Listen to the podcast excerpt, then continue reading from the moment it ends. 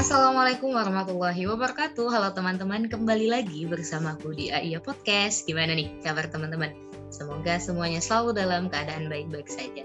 Dan di mana pun teman-teman berada, jangan lupa untuk selalu menerapkan protokol kesehatan. Semoga pandemi ini segera usai ya teman-teman. Amin, amin ya rabbal alamin. Dan pada kali ini adalah segmen teman bicara. Nah, pasti penasaran dong siapa teman bicara kita? Langsung aja kita kenalan dengan teman bicara kita kali ini. Halo Rizka. Halo. Iya, gimana nih kabar Rizka? Baik, alhamdulillah. Alhamdulillah baik. Boleh dong Riz kenalan dulu ke teman-teman AI ya. Rizka ya. ini siapa sih? Oke. Okay. Rizka, namaku Rizka Afifa, temennya Gina di FK UIN. Uh, angkatan 2017, uh, kesibukan sekarang ya lagi ngurus buat wisuda sama yudisium aja sama buat siap-siap koas kayak gitu itu aja. Uh, itu ya itu sih yang paling yang paling aku lakukan sekarang sih itu. Terus ya paling ngabisin ya paling uh, hobi apa ya sedikit mm, ngerjain hobi uh, yang kemarin-kemarin pas skripsian tuh hampir nggak kepegang kayak baking, gaming, uh, kayak gitu-gitu. Kayak gitu sih. Oke berarti hmm. keren banget ya eh, Rizka ini masih berkenan hadir di AIA Podcast walaupun sedang ada nih banyak urusannya gitu. Dan ini unik loh teman-teman. Rizka ini hobi baking dan gaming ya. Hobi yang jarang bersatu gitu. Baking dan ya eh, aku juga terkejut sih. Se seorang seperti aku ternyata suka masak bukan mas nggak masak sih uh, mungkin kayak bikin bikin kue yang di mana kan ilmu bikin kue bikin roti itu beda jauh be, be, sangat berbeda dengan ilmu masak pada umumnya gitu kan uh, bikin pastry gitu. Uh, terus uh, gaming yes. Itu orang-orang juga pernah kaget Tris kakak gaming? Main game? Uh, sebenarnya main game aku juga suka ya. Teman tapi mungkin game yang enggak yang seperti sekarang aku main kayak sekarang kan aku mainnya Genshin Impact. Itu game yang uh, RPG ya. Itu emang game yang uh, well uh, butuh strategi dan hanya orang-orang yang niat main game itu yang bisa bisa dibilang kayak gitu. Uh, biasanya kan kalau aku dulu main game tuh paling kayak uh, itu loh Candy Crush ya Candy Crush. Ah iya iya benar-benar. Ya, yang kayak cerdas cermat kayak mm -mm. gitu, siap siap. Berarti Rizka ini banyak lah gitu kegiatannya ya. Dan Riz kalau boleh tahu Rizka ini di mana nih posisinya sekarang? Oh, aku di rumah di Jakarta. Oh Jakarta oke. Okay. kali ini teman bicara kita berasal dari Jakarta nih teman-teman Oke, penasaran kan tema apa yang bakal kita bahas? Nah, tema yang akan kita bahas ini adalah tentang mengakui kesalahan untuk kehidupan yang lebih baik. Nah, Riz, aku pernah hmm. membaca sebuah statement ya, uh, mengatakan begini dari anonim, orang yang tidak pernah berbuat kesalahan biasanya adalah orang yang tidak pernah berbuat sesuatu. Nah, mungkin ini sedikit make sense ya dengan tema kita uh, tentang mengakui kesalahan gitu karena uh, pada fenomena saat ini mungkin apa ya mengakui kesalahan itu bukan barang mudah kayak gitu ya di kehidupan hmm. kita. Nah, aku nih mau nanya kepada Rizka, sebenarnya apa sih maksud dari mengakui kesalahan gitu untuk better life gitu? Oh, uh, ya ya tadi ya uh, kita kalau kalau namanya hidup kita pasti berbuat sesuatu. Uh, semakin kita banyak berbuat, ya kalau bahasa kasarnya bertingkah, itu akan peluang melakukan kesalahan itu makin tinggi gitu. Well, actually sebenarnya gini, uh, ketika kita kita berbuat itu kan kita pengen tahu kira-kira apa yang kita lakukan ini berhasil atau enggak gitu kan kayak uh, impactnya apa ke orang kayak gitu.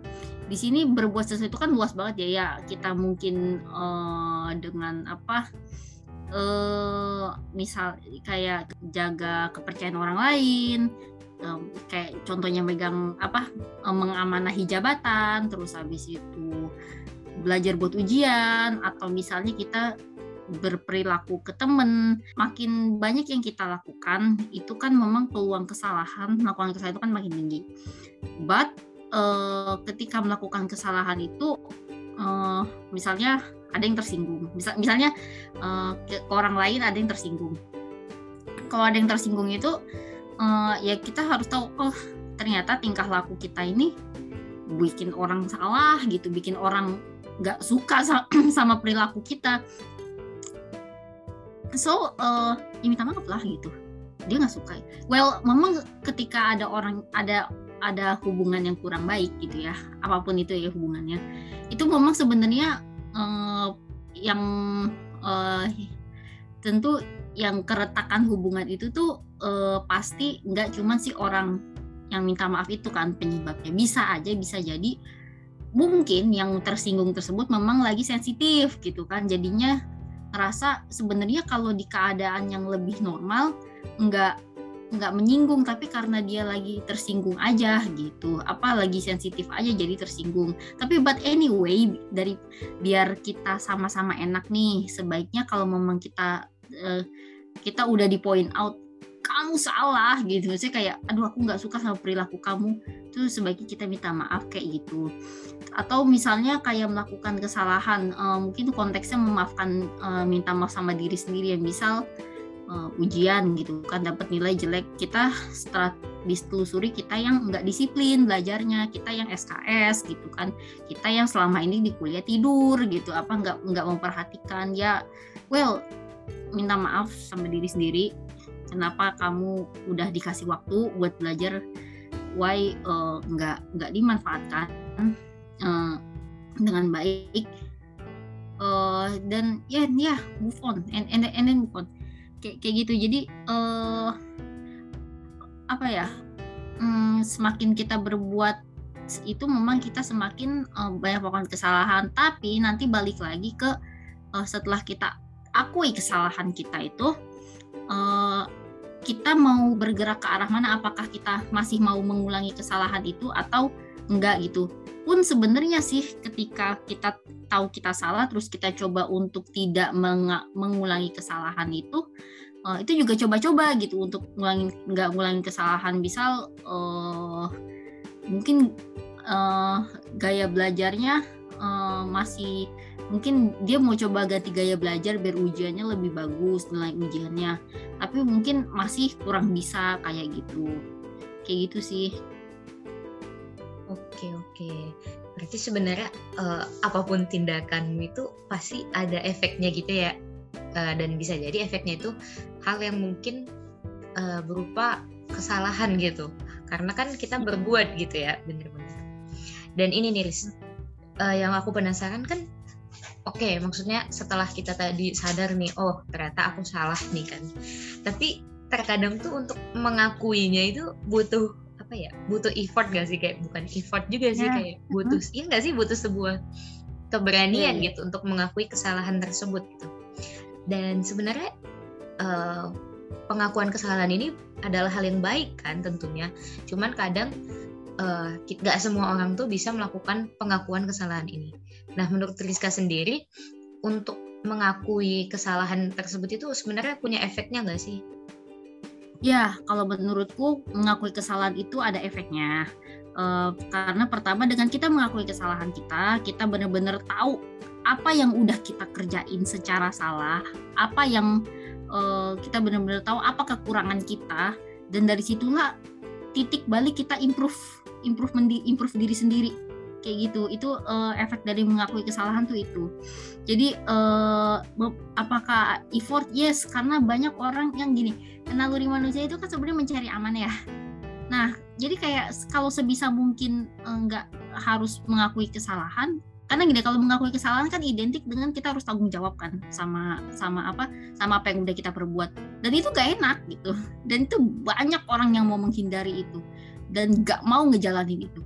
Jadi eh, makanya mengakui kesalahan itu memang sesuatu yang butuh eh, ya kayak sabar lah kayak eh, harus sering-sering dilatih harus eh, kita mengakui kesalahan itu kita juga harus menempati eh, posisi kita ke orang yang kita salahi gitu. Maksudnya bukan saya yang uh, the people we wrong gitu.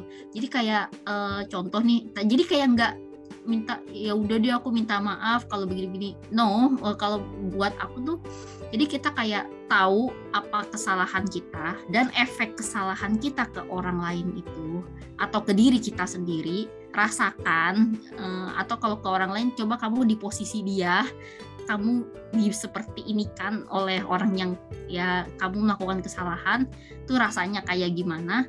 Tuh uh, ya is why jadi untuk selanjutnya kalau benar-benar akhirnya bisa berempati dengan orang yang uh, kita kita apa kita bukan kita apa ya bahasanya kita uh, zolimi gitu ya uh, itu uh, itu kita juga akhirnya jadi berhati-hati ketika berhubungan dengan orang lain gitu. Uh, jadi jangan sampai melakukan kesalahan yang sama gitu.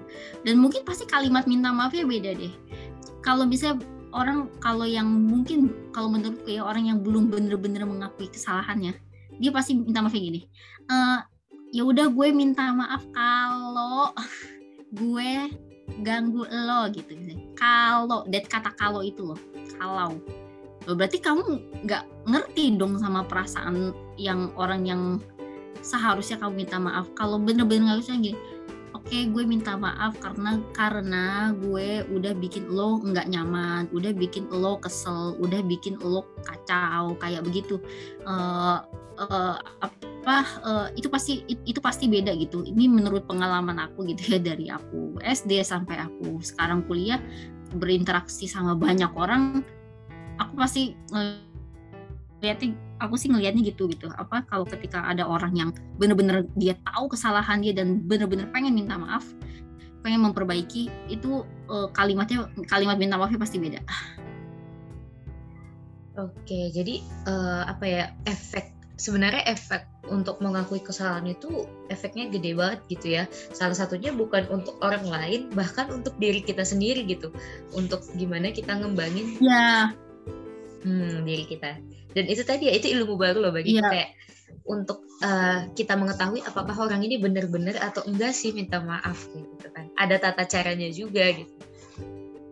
Ya yeah, uh, aku uh, and I believe ya what uh, the, the grammar we said the grammar we said or the grammar we write uh, tulis entah di snapgram di status wa atau dan lain-lain is reflecting of our uh, genuinity, genuinity gitu. Jadi tulis apa tata bahasa yang kita tulis, yang kita bicara, kita ucapkan itu itu merefleksikan uh, ke ketulusan seseorang gitu.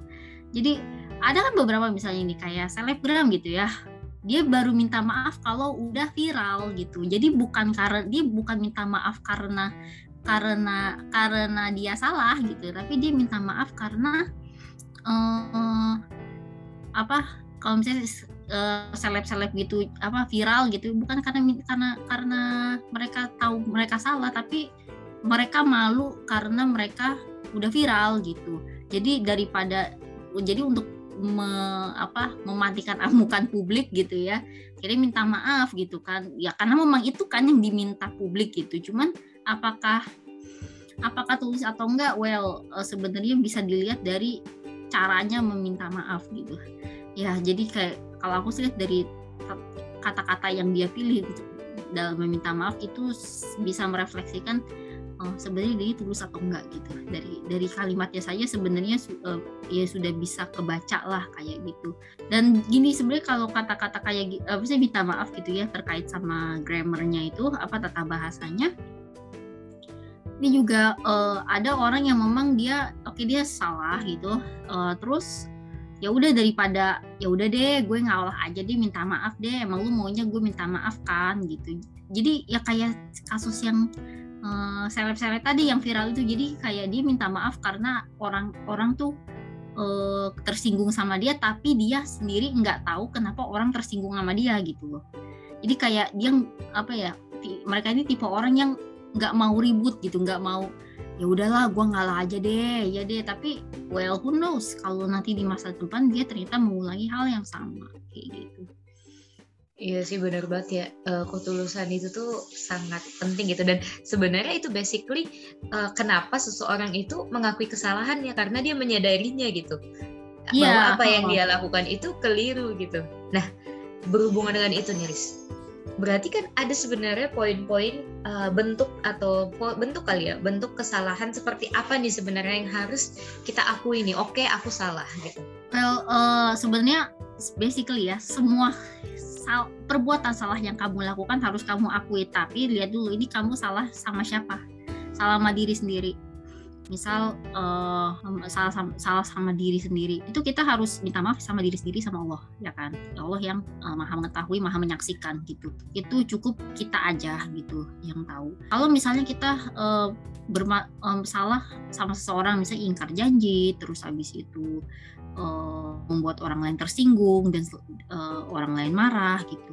Itu kita ya jelas minta maaf sama harus sama orangnya gitu sama orang. Kalau bisa minta maaf langsung gitu karena buat ya ya bahwa kita ini memang uh, tulus untuk meminta maaf gitu.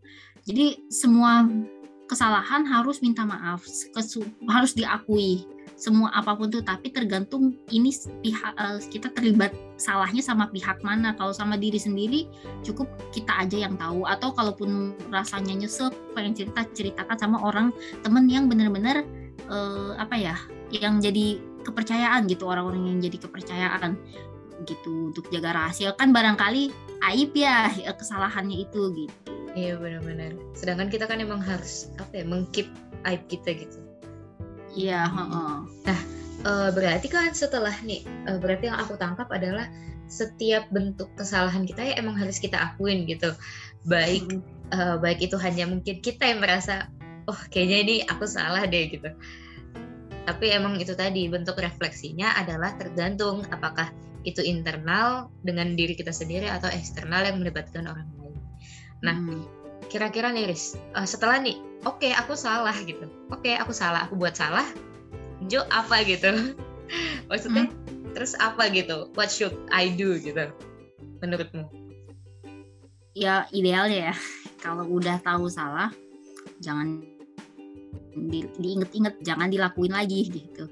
Uh, sebenarnya kan tergantung kesalahan apa yang diperbuat gitu ya. Uh, karena ada juga ada orang yang memang dia salah sekali gitu. Misalnya kayak uh, dia salah sekali terus nanti dia akan salah lagi gitu. Uh, apa ya mungkin dia nggak melakukan hal yang sama hal yang exactly same seperti sebelumnya tapi kayak sedikit lebih berbeda tapi mungkin kadar kesalahan itu sedikit berkurang dari kesalahan yang sebelumnya gitu.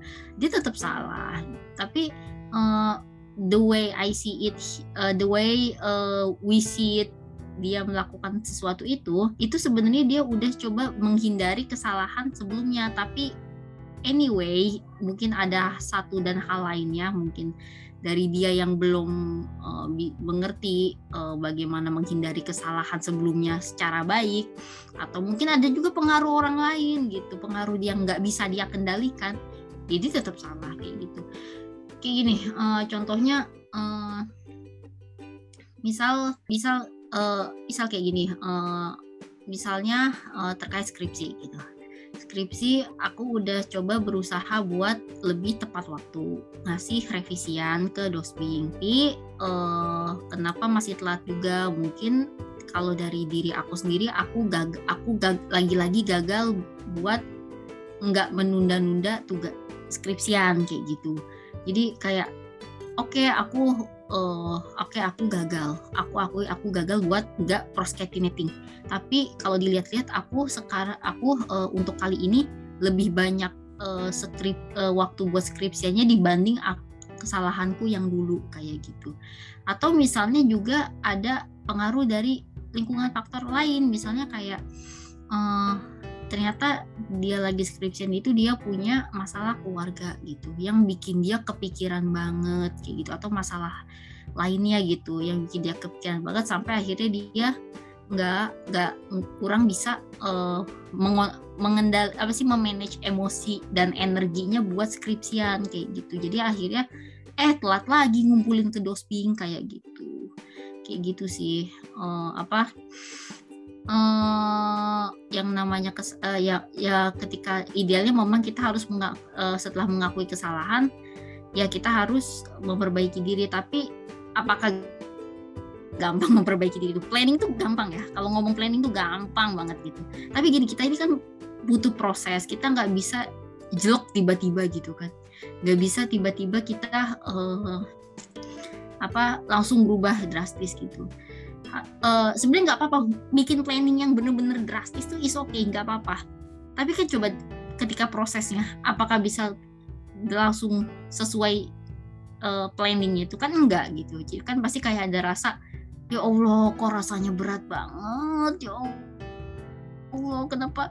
Ya Allah mau disiplin aja kok susah banget? Ya Allah aduh gak enak banget rasanya gitu. Kayak kayak gitu kayak gitu deh. Kayak apa?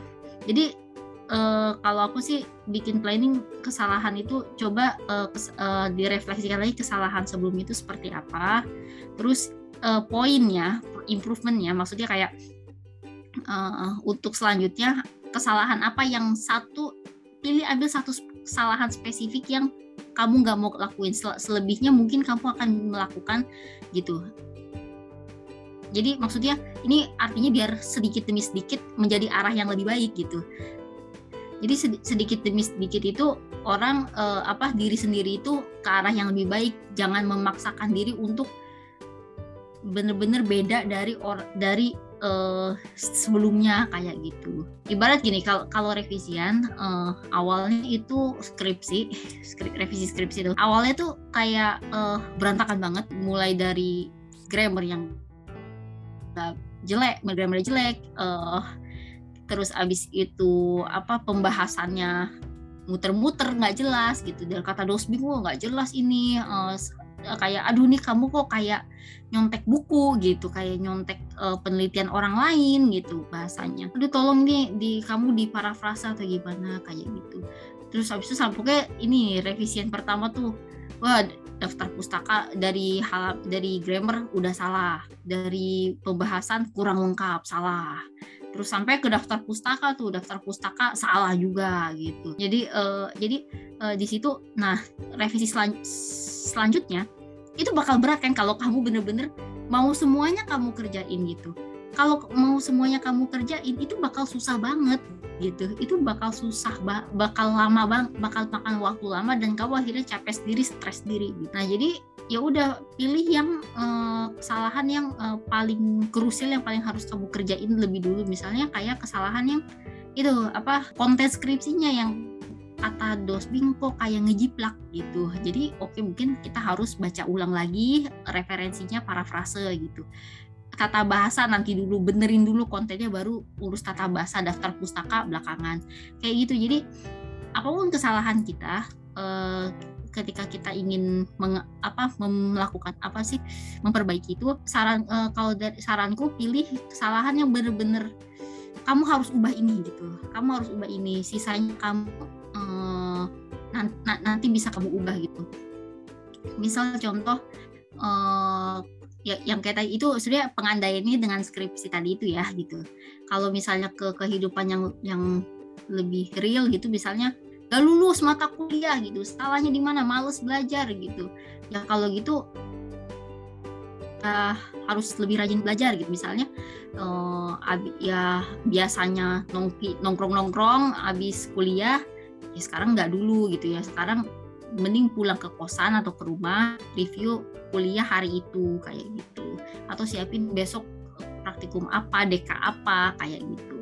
Kayak uh, pelan gitu. Terus uh, kalau buat hiburan mungkin uh, boleh uh, saya mau hiburan tapi ke di weekend kayak kayak gitu-gitu deh. Jadi kayak pelan pelan gitu. Mungkin waktu belajarnya pun juga nggak begitu pulang ke rumah ke kosan nggak belajar gitu sampai malam nggak. Tapi kayak uh, ya istirahat dulu belajar kayak cuma dua jam habis itu ya udah main kayak gitu.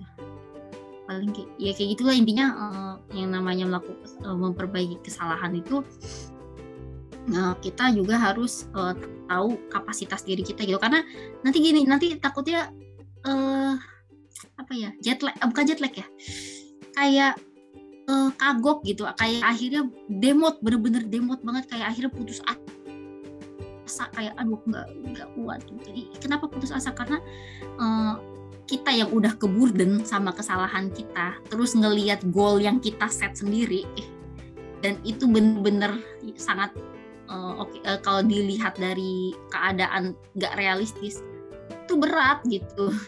Apa ya? Harapannya terlalu, uh, harapannya terlalu tinggi gitu. Jadi makanya go slow but sure ya panjang banget ya jadi dia gitu deh tapi.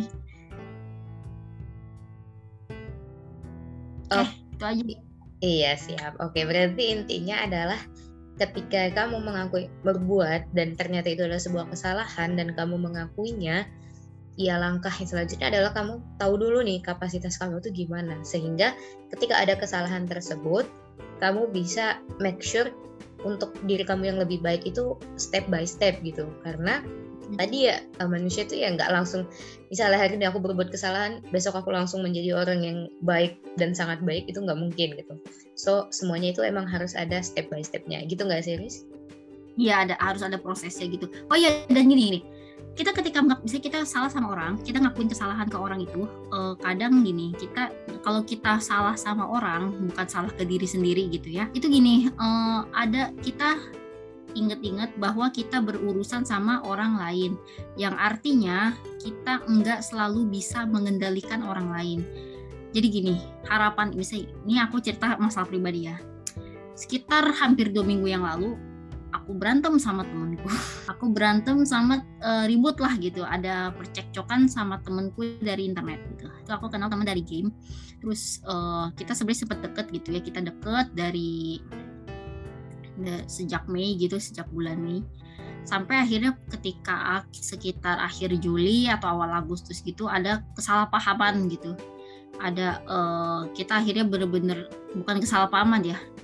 Uh, bukan cuma kesalahpahaman sih tapi juga ada hal-hal yang akhirnya aku nggak bisa cerita nggak bisa uh, deket lagi sama dia gitu. Ada hal-hal yang aku baru tahu tentang dia dan itu kurang bisa aku tolerir kayak gitu. Nah um, sebenarnya aku sendiri mungkin kayak like, uh, kayak lebih kebutuh waktu ya untuk coba mentoleransi dia gitu. Kita berurusan sama orang lain yang kita nggak punya kuasa atas kehendak orang lain. Temanku ini tiba-tiba ngeblok IG aku. Nggak ada hujan nggak ada angin tiba-tiba ngeblok.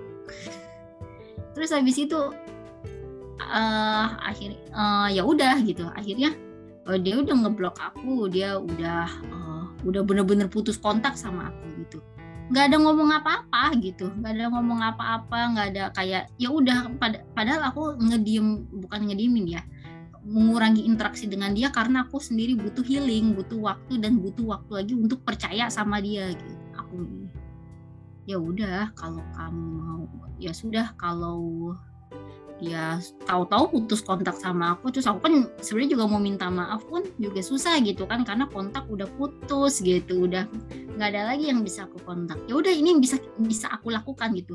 Ini dia aku nyesek gitu. Dia aku nyesek karena aku tiba-tiba diputus hubungan kontak gitu. Putus.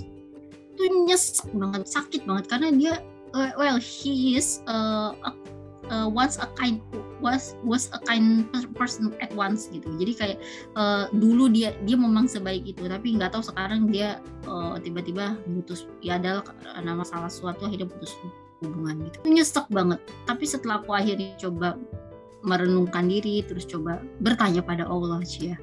Akhirnya aku sih dapat ilham gitu ya. Maksudnya kayak ya udah itu kan salah dia itu masalah dia yang tiba-tiba ngeblok aku, yang tiba-tiba nge ngeblok semua kontak aku, yang yang enggak buka jalur komu, enggak enggak memberikan aku kesempatan untuk komunikasi, itu salah dia. Gitu. Itu uh, apa ya itu dan itu apakah bisa aku kendalikan nggak bisa gitu dan uh, apakah aku harus lakukan itu enggak aku enggak aku nggak harus melakukan itu dia aku orang dia juga orang. Kita semua punya hak untuk uh, nasib masing-masing gitu kan. Ya dia maunya putus hubungan dari aku. Ya sudah kalau begitu nggak ada lagi yang bisa aku lakukan. Uh, terus aku ini people comes and go gitu. Orang itu datang silih berganti ke kehidupan. Ya sudah mungkin cara dia pergi dari kehidupanku caranya dengan yang buat aku nggak enak gitu. Buat aku nggak enak. Terus terus habis itu gimana? Kalau aku sih ya udah carry on carry on. Dia pergi teman kamu pergi itu cuma satu temen yang pergi. Masih ada teman-teman yang lain. Terus aku masih punya kehidupan. Ingat pengen jadi dokter fokus koas gitu. Udah jangan temennya temen yang pergi biarin aja. Apalagi perginya dengan cara kayak begitu gitu. Dengan cara burn bridge. Apa ngebakar jembatan pertemanan. Oh ya sudah cara dia pergi aja udah jelek begitu gitu ya aku em, pasti aku ada salah pasti gitu. Buat dia aku pasti ada salah. Tapi lo dia nggak komunikasiin gimana? Gitu ya udah uh, lebih baik kita fokus sama hidup kita deh gitu. Kalau udah kayak begitu udah biarin aja kita fokus sama kehidupan kita aja. Gak usah dipikir-pikir lagi sama orang yang um, emang nggak ada itikat baik buat berhubungan sama kita kayak gitu. Jadi yang selain yang aku bilang memperbaiki diri, tapi kita ingat limit kita. Di sini kalau hubungannya sama orang lain, ya udah gitu. Itu apa ya kan prinsipnya kita do no harm ya. Kita nggak boleh maksa orang lain. Oke, okay? kita ini dalam makanya konteksnya kita nggak boleh maksa orang lain. Nggak boleh maksa orang untuk memaafkan kita atau memaklumi kesalahan kita. Itu nggak boleh. Jadi kalau misalnya dia udah nggak mau itu sama kita, ya udah, ya udah udahan ya udah berarti emang udah sampai situ aja usaha kita gitu kayak gitu. Kadang kita melakukan kesalahan itu juga ada kesalahan orang lain gitu. Dan jangan dibebankan ke kita semua gitu coba kita lihat dulu sebenarnya apa iya itu salah kita semua gitu. Kan enggak gitu. Saya udah ngelakuin dia coba minta maaf udah begini udah begitu udah begitu. Eh tapi beliau nggak mau. Eh tapi dia nggak mau gitu. Kayak begini begini. Ayo ah, udahlah gitu. Oke, oke. Berarti kalau boleh nih aku menyimpulkan, eh, tadi banyak banget ya contoh yang udah Rizka sampaikan. Eh, intinya adalah ketika kamu melakukan sesuatu, ya tadi yang pertama kamu harus tahu apakah benar mengkaji istilahnya ya, mungkin mengkaji apakah ini sepenuhnya kesalahanku atau mungkin ini adalah ada dari orang lain gitu. Dan untuk mengkaji ini pun kita harus apa ya, mungkin harus dengan pikiran yang jernih gitu karena terkadang kan apa ya kecenderungan kita itu untuk ingin merasa benar itu kan tetap ada kayak gitu ya. Hmm. Nah setelah itu kita harus lihat lagi nih konteksnya sih gimana konteks kesalahan ini apakah emang ini adalah sebuah kesalahan yang fatal ataukah ini melibatkan orang lain atau bahkan diri kita sendiri. Dan di ending adalah how to improve it. Uh, jadi kita bisa menjadi pribadi yang lebih baik lagi.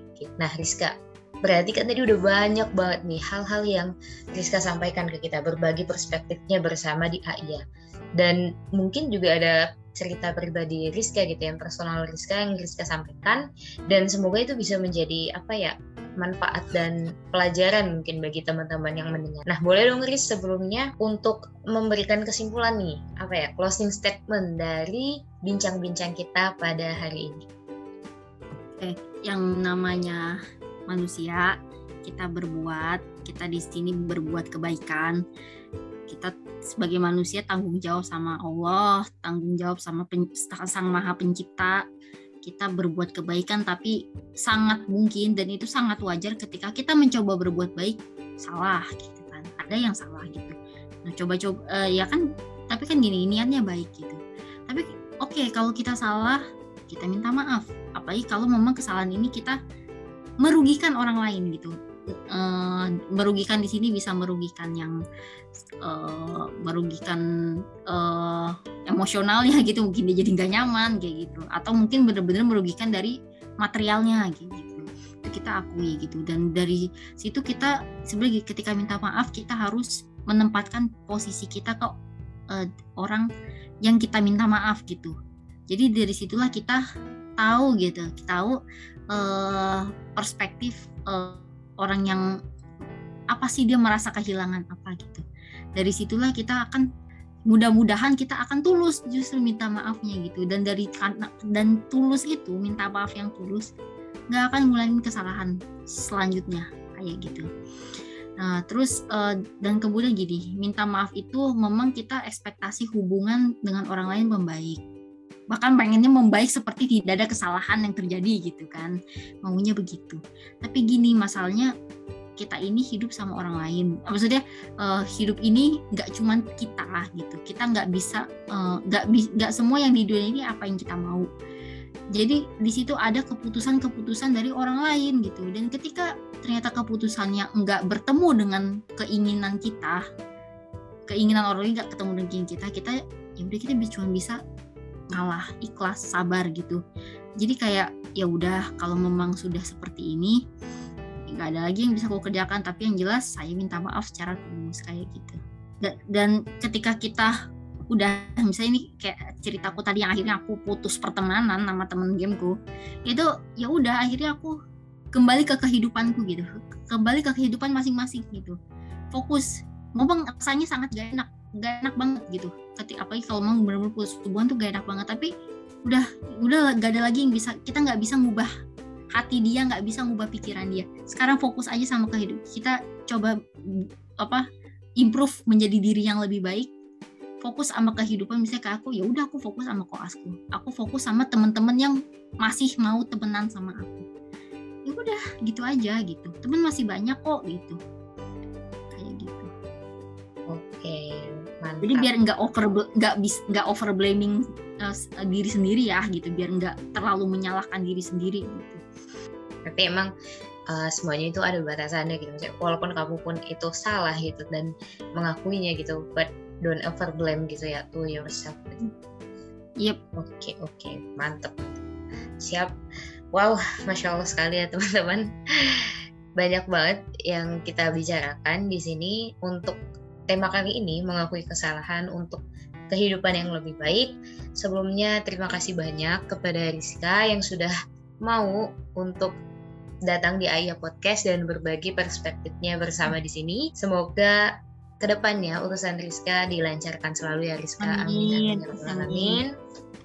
dan bagi teman-teman semua yang mendengarkan juga mendapat manfaat ada mungkin hikmah yang bisa diambil dari perbincangan kita pada hari ini Oke, sebelumnya Rizka, terima kasih banyak sudah mau hadir di Ayah Podcast. Dan bagi teman-teman nih yang masih ngerasa ingin berdiskusi lagi, lebih lanjut mungkin ya, sharing pengalaman dan mungkin pemikiran dengan Rizka, mungkin boleh kontak Rizka di mana Riz? IG at uh, R I I R I S K A titik R R I S K A A A-nya double yang yang kedua. Susah ya? Gak apa-apa. Nanti aku bantu taruh di description box-nya. Biar ya, nanti teman-teman uh. langsung aja ngelihat ya di description box-nya hmm. untuk Instagram Rizka. Hmm. Oke, mungkin teman-teman bisa kontak lewat DM ya teman-teman untuk diskusi yang lebih lanjut lagi. Oke, sebelumnya terima kasih sekali lagi buat Rizka dan teman-teman yang sudah mendengarkan. Terima kasih banyak, Sama-sama. Iya. dan ya, Oh, gak apa-apa. Malah banyak ya, banyak insight baru yang mungkin itu membuat kita apa ya lebih terbuka lagi terhadap pengakuan kesalahannya.